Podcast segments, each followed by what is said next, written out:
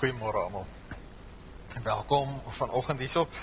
So ons saam wees net op afkondigings.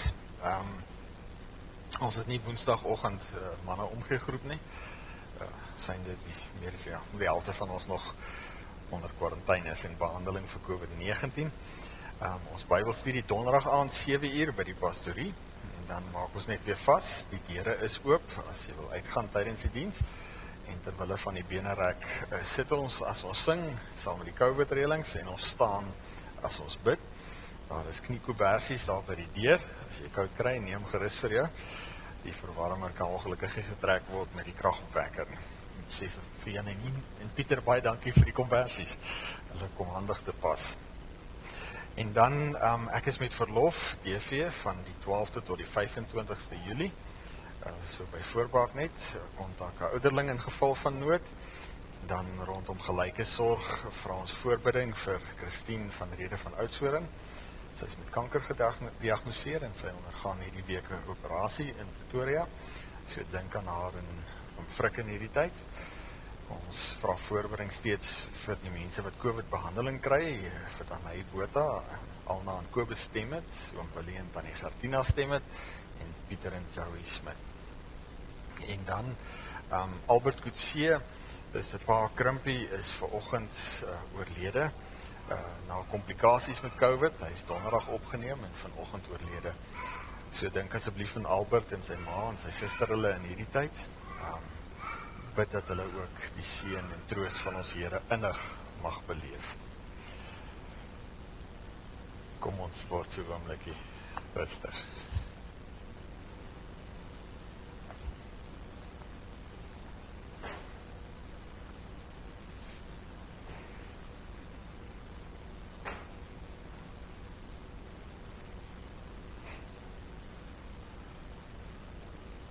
Ons begin ons saam wees met 'n openlike verklaring waarin ons verwoord hoekom ons so bymekaar kom en vanoggend uit Psalm 91 vers 1 en 2.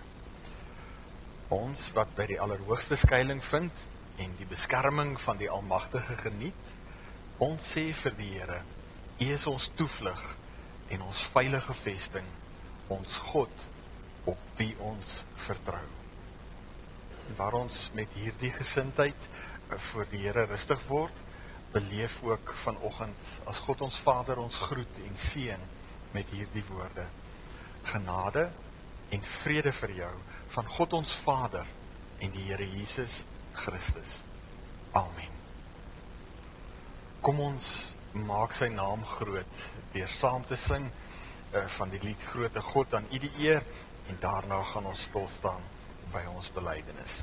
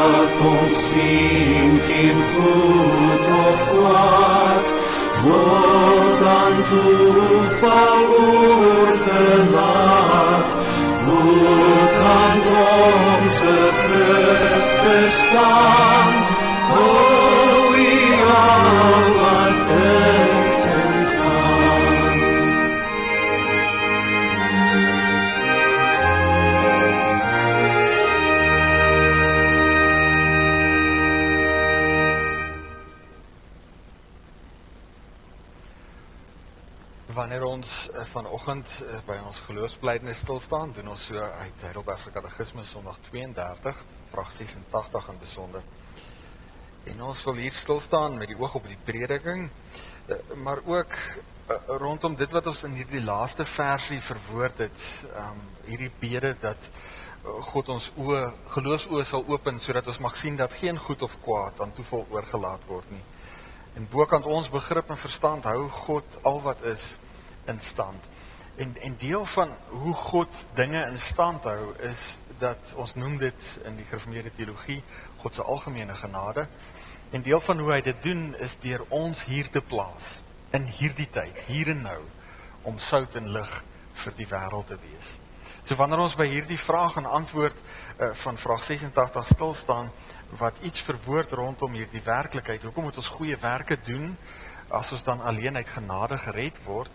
Dan dan trek dit saam in dit wat Paulus met ons deel in Efesiërs 2 vers 10 waar hy duidelik maak dat God het ons gemaak wat ons nou in Christus is om die goeie werke te doen waartoe hy ons bestem het al van die grondlegging van die aarde af voor die grondlegging van die aarde af. En dit verwoord 'n groot waarheid dat ek en jy lewe vandag in hierdie tyd, in hierdie omstandighede omdat die Here ook deur ons 'n verskil in sy wêreld wil maak. En ons verlossing hef nie daardie verantwoordelikheid vir ons op nie. Dit herstel ons juis tot daardie verantwoordelikheid om daardie roeping te kan opneem en uit te leef. So wanneer ons vra waarom moet ons nog goeie werke doen terwyl ons tog sonder enige verdienste van ons kant alleen uit genade deur Christus uit ons elende verlos is. En ons antwoord omdat Christus ons nadat hy ons met sy bloed gekoop het, ook deur sy Heilige Gees tot sy ewe beeld vernuwe sodat sodat ons met ons hele lewe kan bewys dat ons God dankbaar is vir sy weldade en hy deur ons geprys kan word sodat ons vir onsself uit die vrugte van ons geloof sekerheid kan kry en sodat ons deur ons Godvreesende lewe ons naaste ook vir Christus kan wen. Ons mag met hierdie sekerheid leef dat Christus wat ons losgekoop het, herstel ons in ons verhouding met God ons Vader en daarin tot ons oorspronklike skepingsdoel sodat ons vandag hier en nou sout en lig vir die wêreld kan wees. En hierdie is nie iets wat uit onsself gebore word nie, dit is 'n gawe van God wat deur sy gees ons harte en ons menswees nuut maak sodat ook hierdie wêreld sout en lig kan hê. Kom ons verwoord hierdie waarheid en daarin ons afhanklikheid van die Here deur saam te sing van genade onbeskryflik groot en daarna gaan ons stil staan by God se wil vir ons lewe. Genade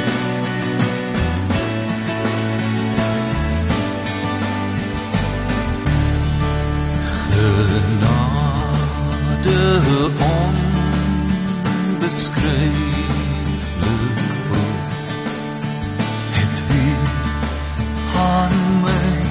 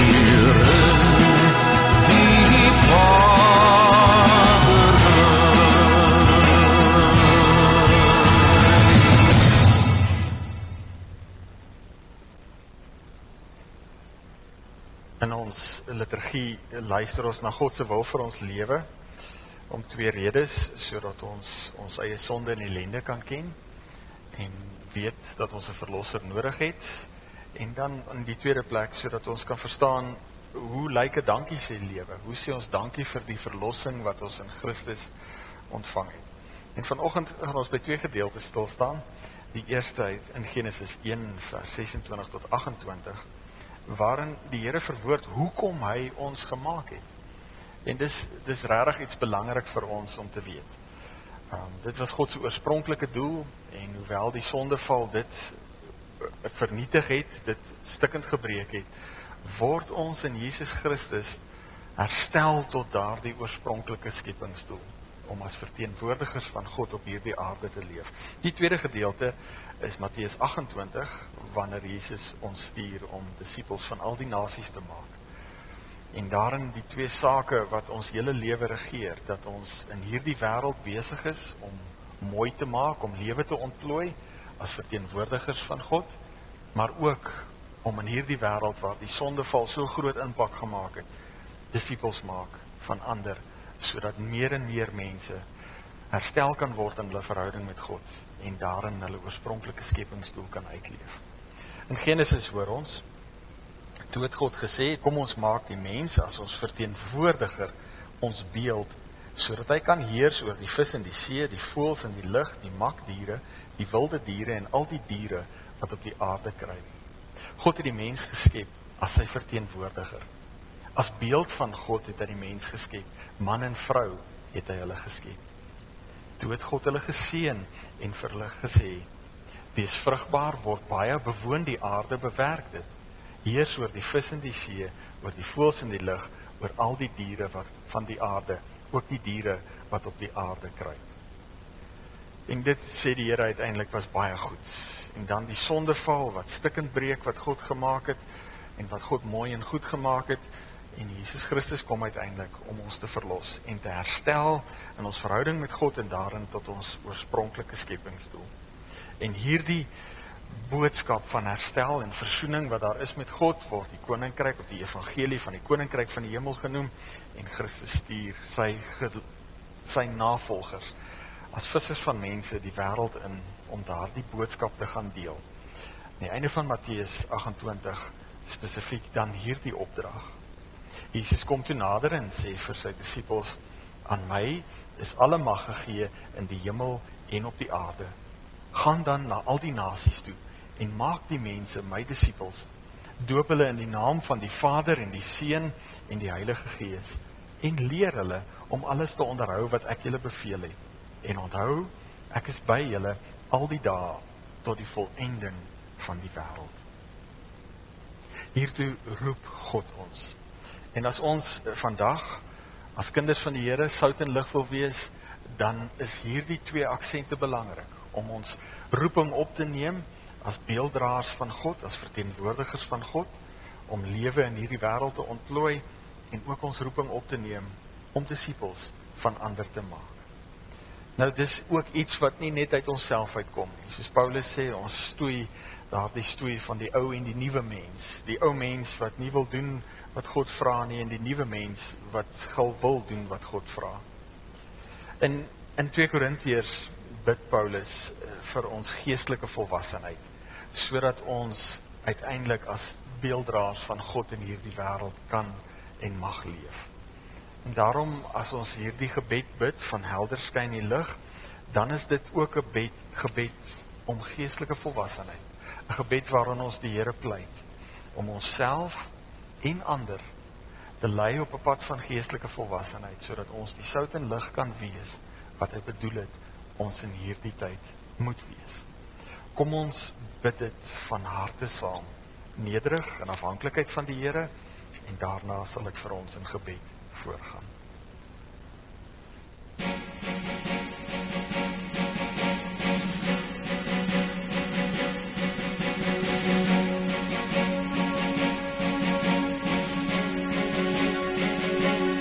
Helder skyn die lig vir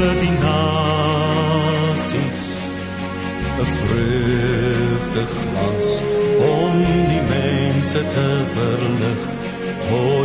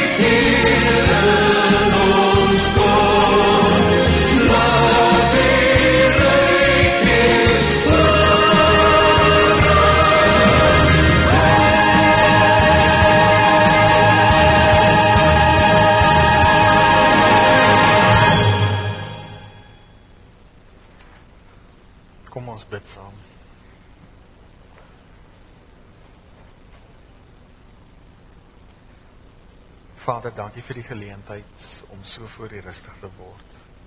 Dankie dat ons enige tyd met vrymoedigheid na U toe mag kom. Dat ons naby U mag leef en saam met U mag werk.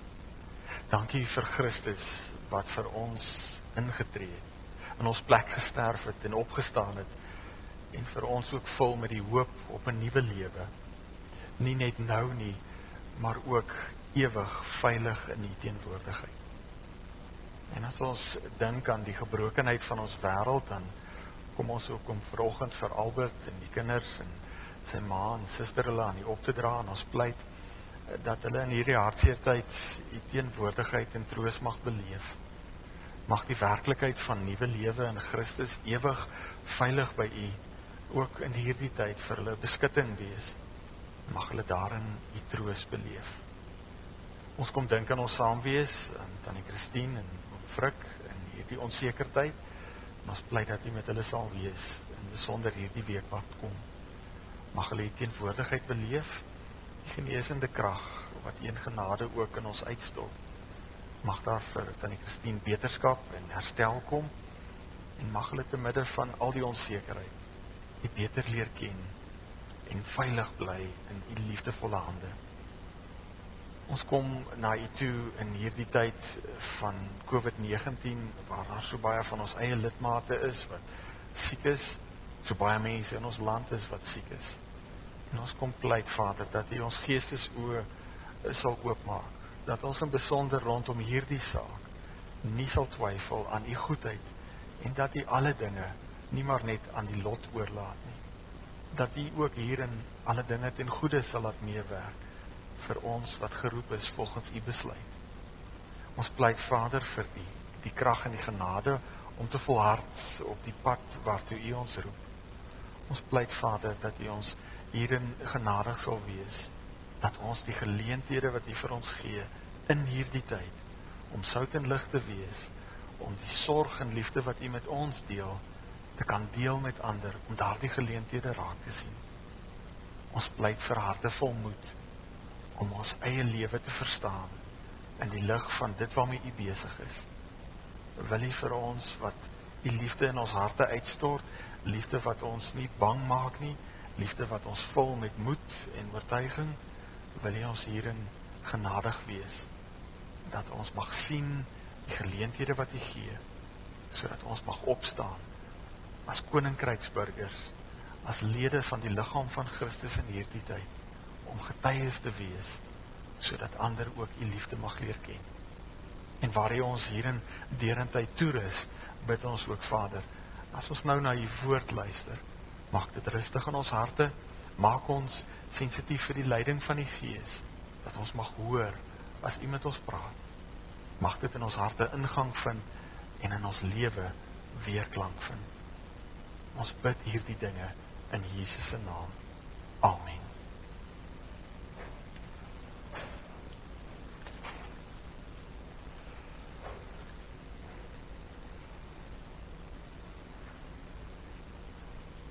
Jesus het sopas in Matteus 15 'n gesprek gehad met die skrifgeleerdes en die fariseërs nadat hulle kom fout soek het en hy het gepraat oor wat 'n mens rein en onrein maak. En toe die Kanaanitiese vrou, verteenwoordiger van die eerste mense wat uit Kanaan verdryf is of uitgespoeg is, soos ons in Levitikus lees, van wie hulle ongeregtigheid wat kom en by Jesus verlossing vind.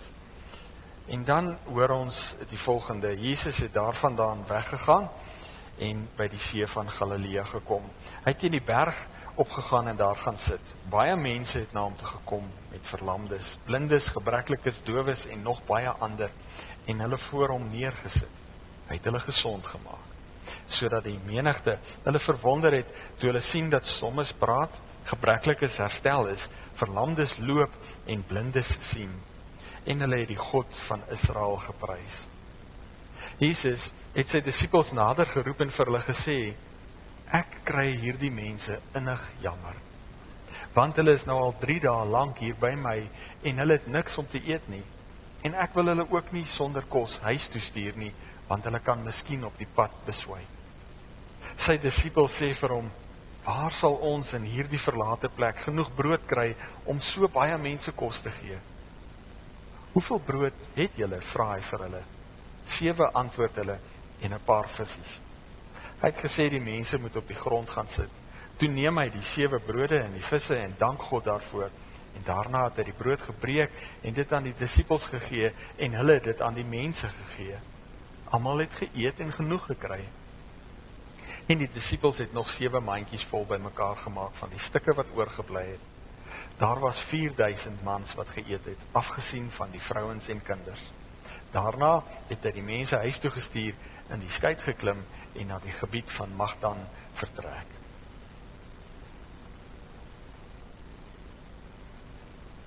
Ons staan nou al 'n rukkie in Matteus stil. En hierdie gedeelte lê die rede waarom Jesus gekom het vas. Dit is iets waarmee die disippels, die eerste gemeentes en ons baie keer stoei. Jesus het gekom om te soek en te red wat verlore is. Om in ons plek te sterf omdat God lief is vir die wêreld wat hy geskep het. En daarom maak jy Matteus aan die begin van sy evangelie swaar water oor die waarheid dat Jesus die vervulling van die Ou Testamentiese profeseë is.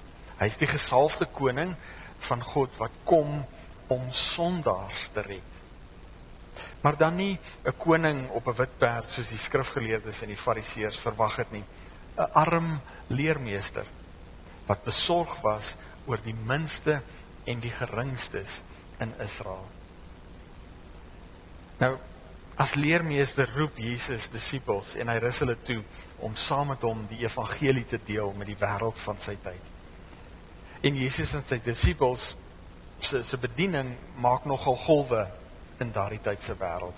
Die mense gee aandag en hulle trek saam om te kom kyk en dan hoor ons in Matteus 19 baie mooi as Jesus die menigte sien moeg en hulpeloos so skape sonder 'n wagter, dan beveel hy aan die disippels en vir ons om die Here van die oes te bid om arbeiders in die oes in te stuur omdat die oes groot is en die arbeiders min.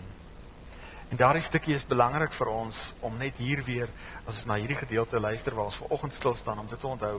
Die oes is groot. Dit is regtig groot. Dit is enorm groot. En die arbeiders is min, daarom bid die Here van die oes om arbeiders in die oes in te stuur. En net daarna doen Jesus dit. Hy stuur die disippels uit om die evangelie van die koninkryk van die hemele te gaan verkondig. En saam met hulle bediening versprei die berig aangaande Jesus al hoe verder en en die die disipel ag die skrifgeleerdes en die fariseërs kom doen uit Jerusalem uit uh ondersoek. En hulle kom soek fout. So daar kom konflik met die skrifgeleerdes en die fariseërs. Maar saam met dit ook baie mense wat kom kyk. En Jesus rig hierdie uitnodiging tot hulle in in Matteus 11. Kom na my toe, almal wat uitgeput en oorlaai is en ek sal vir julle rus gee. Neem my juk op julle en leer van my, want ek is sagmoedig en nederig van hart en julle sal rus kry vir julle gemoed. My juk is sag en my las is lig. En dan tussen die konflik met die skrifgeleerdes en die fariseërs deur die eerste vermeerdering van die brood. Jesus was op 'n afgeleë plek besig om die mense te bedien Maar die disippels sien net hierdie skare mense raak wat nie kos het nie en hulle kom vra vir Jesus om die mense maar eerder huis toe te stuur dat hulle vir hulle self kan gaan kos koop. Um en dan sê Jesus vir hulle nee, gee julle vir hulle kos. En hulle antwoord maar ons, ons het net 5 brode en 2 visse. Genoeg vir hulle, maar nie vir al hierdie mense nie. Heeltemal te min om die nood van die menigte aan te spreek. En Jesus sê vir hulle maar bring dit. Bring dit wat julle het ek sal daarmee werk.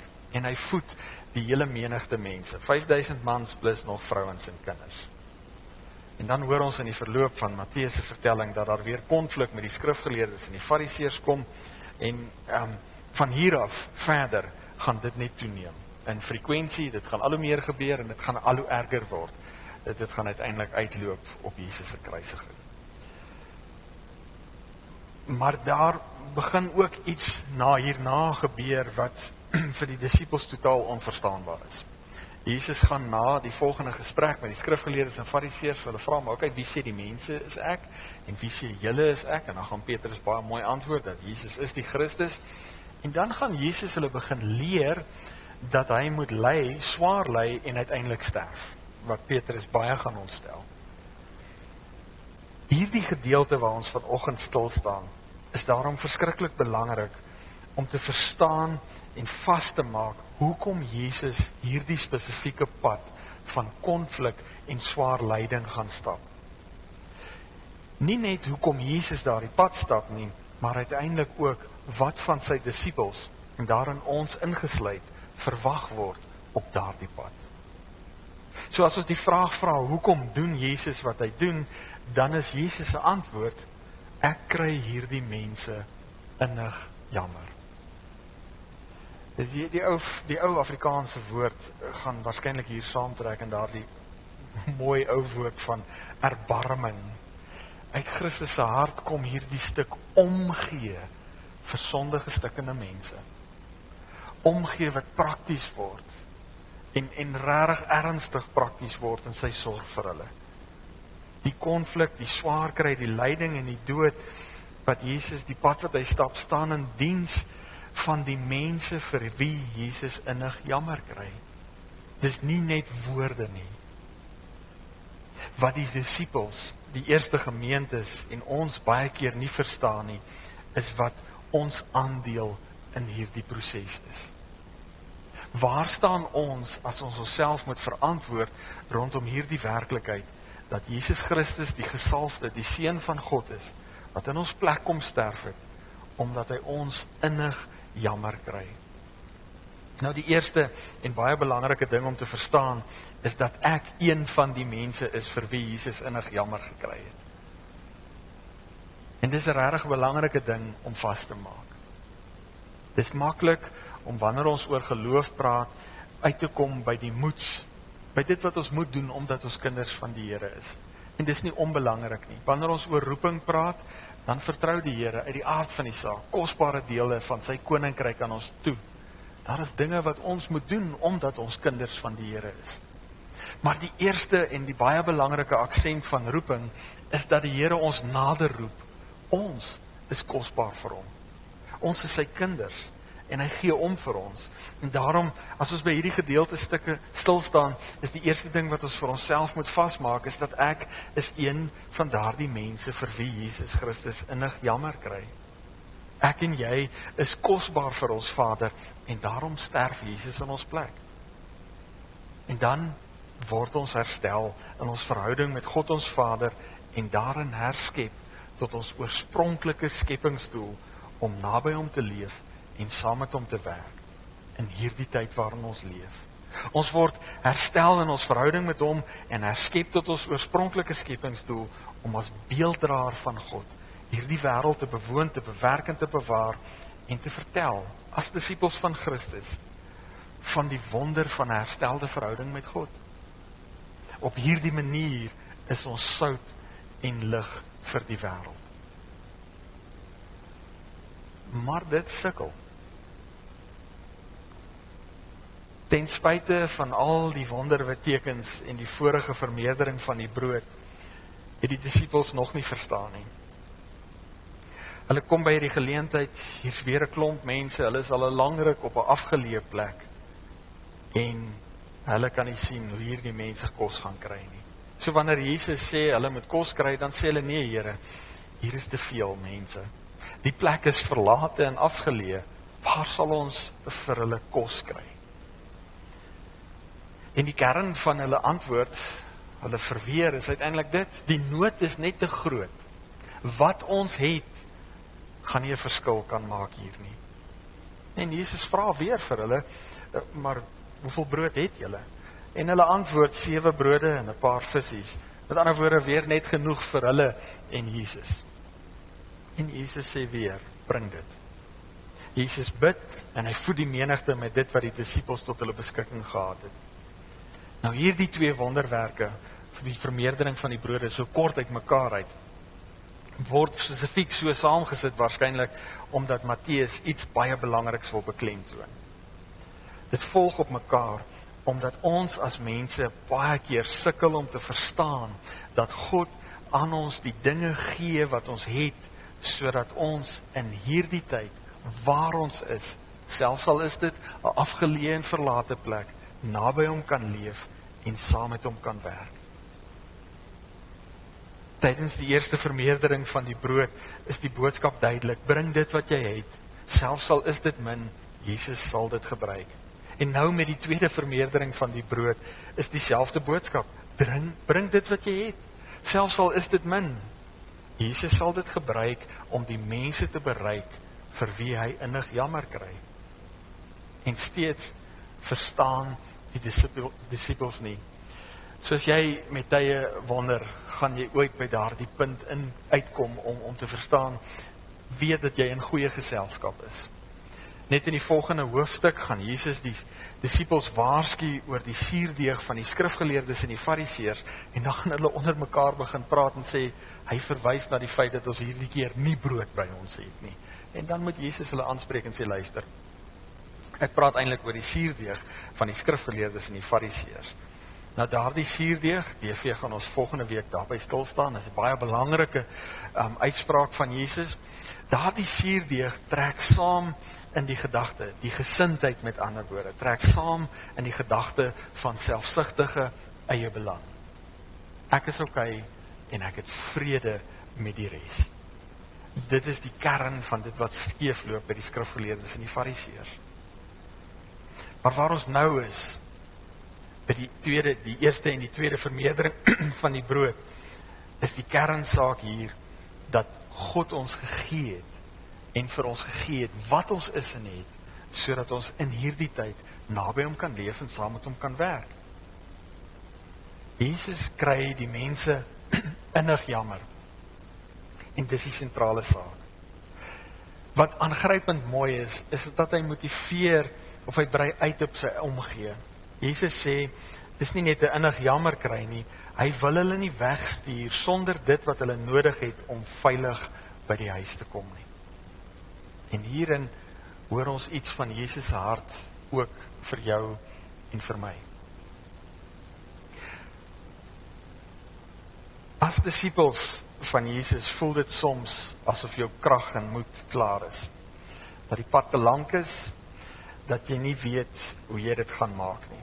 En dit voel veral so as jy gekonfronteer word met die nood van die wêreld. Um, ek het die voorreg om in 'n pastorie te bly die een nadeel van 'n pastorie is natuurlik dat baie ouens weet wat dit is, veral boemelaars. En hierdie is vir my baie baie aktueel. Daardie moedeloosheid wat jou beetpak, wat my beetpak. Daai deurklokkie lê en ek maak daai deur oop en hier staan 'n ou met net so 'n lang storie en 110 versoeke. En dis net hoe hoe maak 'n mens 'n verskil? Maar dis nie net as ons gekonfronteer word met die nood van die wêreld wat ons moedeloos word nie. Dis ook as ons die uitdaging van die omstandighede rondom ons meet en ons wonder of ek self genoeg krag gaan hê, genoeg moed gaan hê, genoeg deursettingsvermoë gaan hê om hierdie pad te kan stap. Gaan ek die pad kan klaarmaak? Gaan ek kan tuiskom sonder om te beswyk? Nou wanneer ons na hierdie gedeelte luister, dan kan ons ter harte neem dat Jesus nie van ons vergeet het nie. Hy gee regtig om ook vir jou. Weet dat hy sal doen wat gedoen moet word sodat jy alles het wat jy nodig het om veilig by jou huis te kom. Om veilig by jou eindbestemming uit te kom in genade onbeskryflik groot is dit mooi verwoord dat die seun bring ons verlore seuns weer veilig in die Vaderhuis. Paulus verwoord hierdie waarheid in Filippense so. Hy sê ek is veral daarvan oortuig dat God wat die goeie werk in julle begin het, dit eintlik sal voer en dit sal volëindig op die dag wanneer Jesus Christus weer kom. Ons word nooit aan onsself oorgelaat nie. In 1 Tessalonisense 5 bid hy vir ons en hy bid mag God wat vrede gee julle volkome aan hom toegewy maak en julle geheel en al na gees, siel en liggaam so bewaar dat julle onberispelik sal wees wanneer ons Here Jesus Christus weer kom. Hy sal dit ook doen want hy wat julle roep is getrou. Ons mag leef met hierdie sekerheid dat ons alles wat ons nodig het sal kry om in hierdie tyd waarin ons leef naby die Here te leef en saam met hom te kan werk. Wat ons dalk vandag vir mekaar weer moet vasmaak is dat hierdie sorg natuurlik nie meer uit die hemel val soos die manna in die Ou Testament nie. Hierdie sorg trek vandag saam in die liggaam van Christus waarin ons geroep word om gelyke sorg vir mekaar te dra. Matteus gaan van hier af verder. Matteus is die hoof die boek in die Bybel, Nuwe Testament wat die meeste oor die gemeente praat, oor die eklesia praat. En van hier af verder van hoofstuk 16 af is dit die sentrale tema. Die die geloofsgemeenskap. Ons onderlinge verhoudinge en ons verhouding met die wêreld om ons. So wanneer Jesus hierdie woorde uiter en en praat oor die sorg wat hy die die die, die omgee en sorg wat hy vir ons het en hoe prakties dit is, dan is dit regtig iets wat vir hom belangrik is. Teen die tyd wat ons by Matteus 25 kom, word die die die die grootsheid hiervan op die spits gedryf wanneer Jesus die gelykenis vertel van die laaste oordeel waar mense op grond van dit wat hulle gedoen het aan die geringstes onder hulle geoordeel word. Ek was honger, ek was dors, ek was siek, ek was kaal, ek was in die hospitaal, en jy het vir my sorg gedra. En dan vra die mense, maar wanneer het ons u ooit so gesien? En dan sê hy, in soverre julle dit aan die geringstes gedoen het, het julle dit aan my gedoen. So daarom wanneer ons na hierdie gedeelte luister, is daar versekerde groot bemoediging daarin opgesluit. Dat Jesus gee om vir my binne in my omstandighede en hy gaan doen wat gedoen moet word sodat ek het wat ek moet hê om hierdie pad waarop hy my geroep het, getrou tot die einde toe te stap. Maar daar is ook 'n baie definitiewe oproep in hierdie gedeelte. Jesus gee werklik om, maar daardie omgee is nie net beperk tot my nie. En daarom hierdie oproep tot getroue diens saam met hom, deel dit wat jy ontvang in die versorging van ander op hulle lewenspad agter Jesus aan nie net die wat reeds gered is nie, ook die wat ongered is. Wanneer Jesus as wettige koning aan die einde net voordat hy opvaar kom, dan gee hy die opdrag om te gaan na al die nasies, om disippels van al die nasies te maak. En dit gaan hier oor hierdie werklikheid wat Jesus in Johannes verwoord dat 'n mens nie net van brood alleen lewe nie, maar van elke woord wat uit die mond van God kom. As vissers van mense word disippels van Jesus geroep om hulle lewens met ander te deel. Dit is nie net woorde nie en dit is nie net dade nie. Dit is om jou lewe met ander te deel. Die eerste gelowiges is mense van die weg genoem, mense wat op pad was agter Christus aan. En in daardie saamreis het hulle sorg gedra vir mekaar op so 'n manier dat die wêreld om hulle kennis geneem het. Dit is daar waar ons baie keer 'n hakplek kry. Wanneer die middele wat ons het beperk is en wanneer die nood om ons regtig groot is, dan is dit moeilik om jou lewe te deel. En soos die disippels het die eerste gemeentes vasgekyk in die bietjie wat hulle het en die groot nood om hulle. En daarin die dubbele oproep van hierdie twee wonders wat so naby aan mekaar opgeteken is. Jesus sê: "Bring wat jy het. Ek sal dit gebruik." Selfs al is dit min. En dan hoor ons in in Handelinge dat die eerste gemeentes in Sirië hierop ag gegee het. Hulle het sendelinge begin uitstuur, hulle het sorg gedra vir die arm gemeentes in Judea en hulle het in hulle alledaagse lewe so gelewe dat hulle in Antiochië die eerste keer Christene genoem is. In hulle alledaagse lewe kon mense sien dat hulle Christus volg. En daarin die vraag vir elkeen van ons vanoggend. Hoe lyk dit in jou lewe?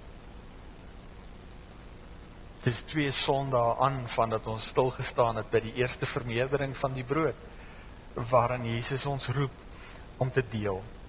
Die bietjie wat ons het te bring.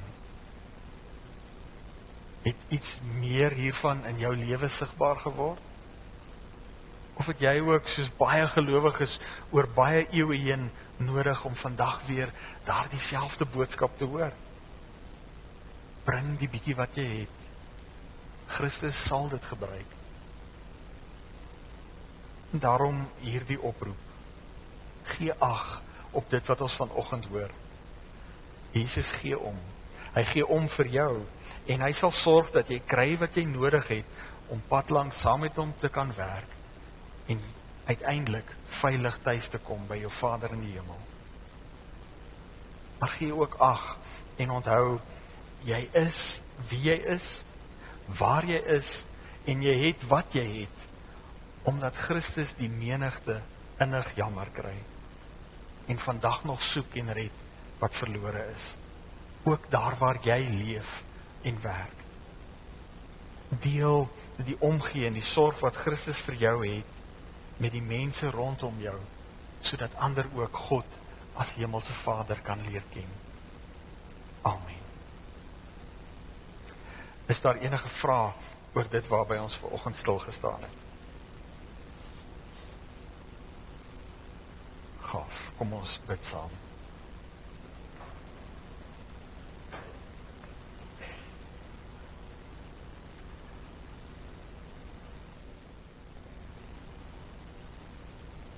Vader, as ons voor U rustig word, dan dan neem ons ter harte dat U vandag nog besig is in hierdie wêreld. Dat niks aan toeval oorgelaat word nie. En dat ook ons in hierdie tyd leef omdat U in hierdie tyd, in hierdie omstandighede besig is. Nie net om lewe wat vir die kosbaar is te bewaar nie, maar ook om lewe te ontplooi en in besonder deur ons lewens te ontplooi. En daarom kom pleit ons Vader, wil U ons hierin genadig wees dat ons daardie geleenthede om saam met U te werk kan raak sien. Wil U vir ons sensitief maak vir die leiding van die Gees. Dat saam met ons Gees getuig dat ons kinders van U is. En ons pleit daarin Vader dat U vir ons hierin genadig sal wees. Dat wanneer die druk van hierdie wêreld, van die onseker omstandighede waarin ons is, wanneer die nood van hierdie stukkende wêreld vir ons te veel raak. Dat U ons sal herinner aan die wonder en die vreugde daarvan dat ons kinders van U is. En dat ons dit nie is op grond van iets wat ons gedoen het nie, maar op grond van U liefde en genade, dat U ons nader getrek het, dat ons U gevind het omdat U ons eerste gekry het. Mag die wonder van U liefde vir ons ons harte vul en ons lewens rig op die taak waartoe U ons roep. En waar U ons hierdie kosbare groot voorreg gegee het om vandag sout en lig te wees, bid ons Vader, maak ons harte sterk hierin dat ons as getuies mag opstaan, as sout en lig mag lewe op so 'n manier dat ander U sorg en liefde mag beleef ook in dit wat ons doen en sê. Ons pleit Vader vir die genade om standvastig te bly staan op hierdie pad. Om saam met Christus hierdie pad te stap en daarin ook die sorg te deel wat U met ons deel. Mag ander lig sien deur dit wat ons sê en dit wat ons doen. Mag dit wat ons doen, al is dit klein, vrug dra in die koninkryk en daarin dien tot uitbreiding van die koninkryk, tot verlossing van baie mense in hierdie wêreld. Ons pleit dit Vader in Jesus se naam. Amen.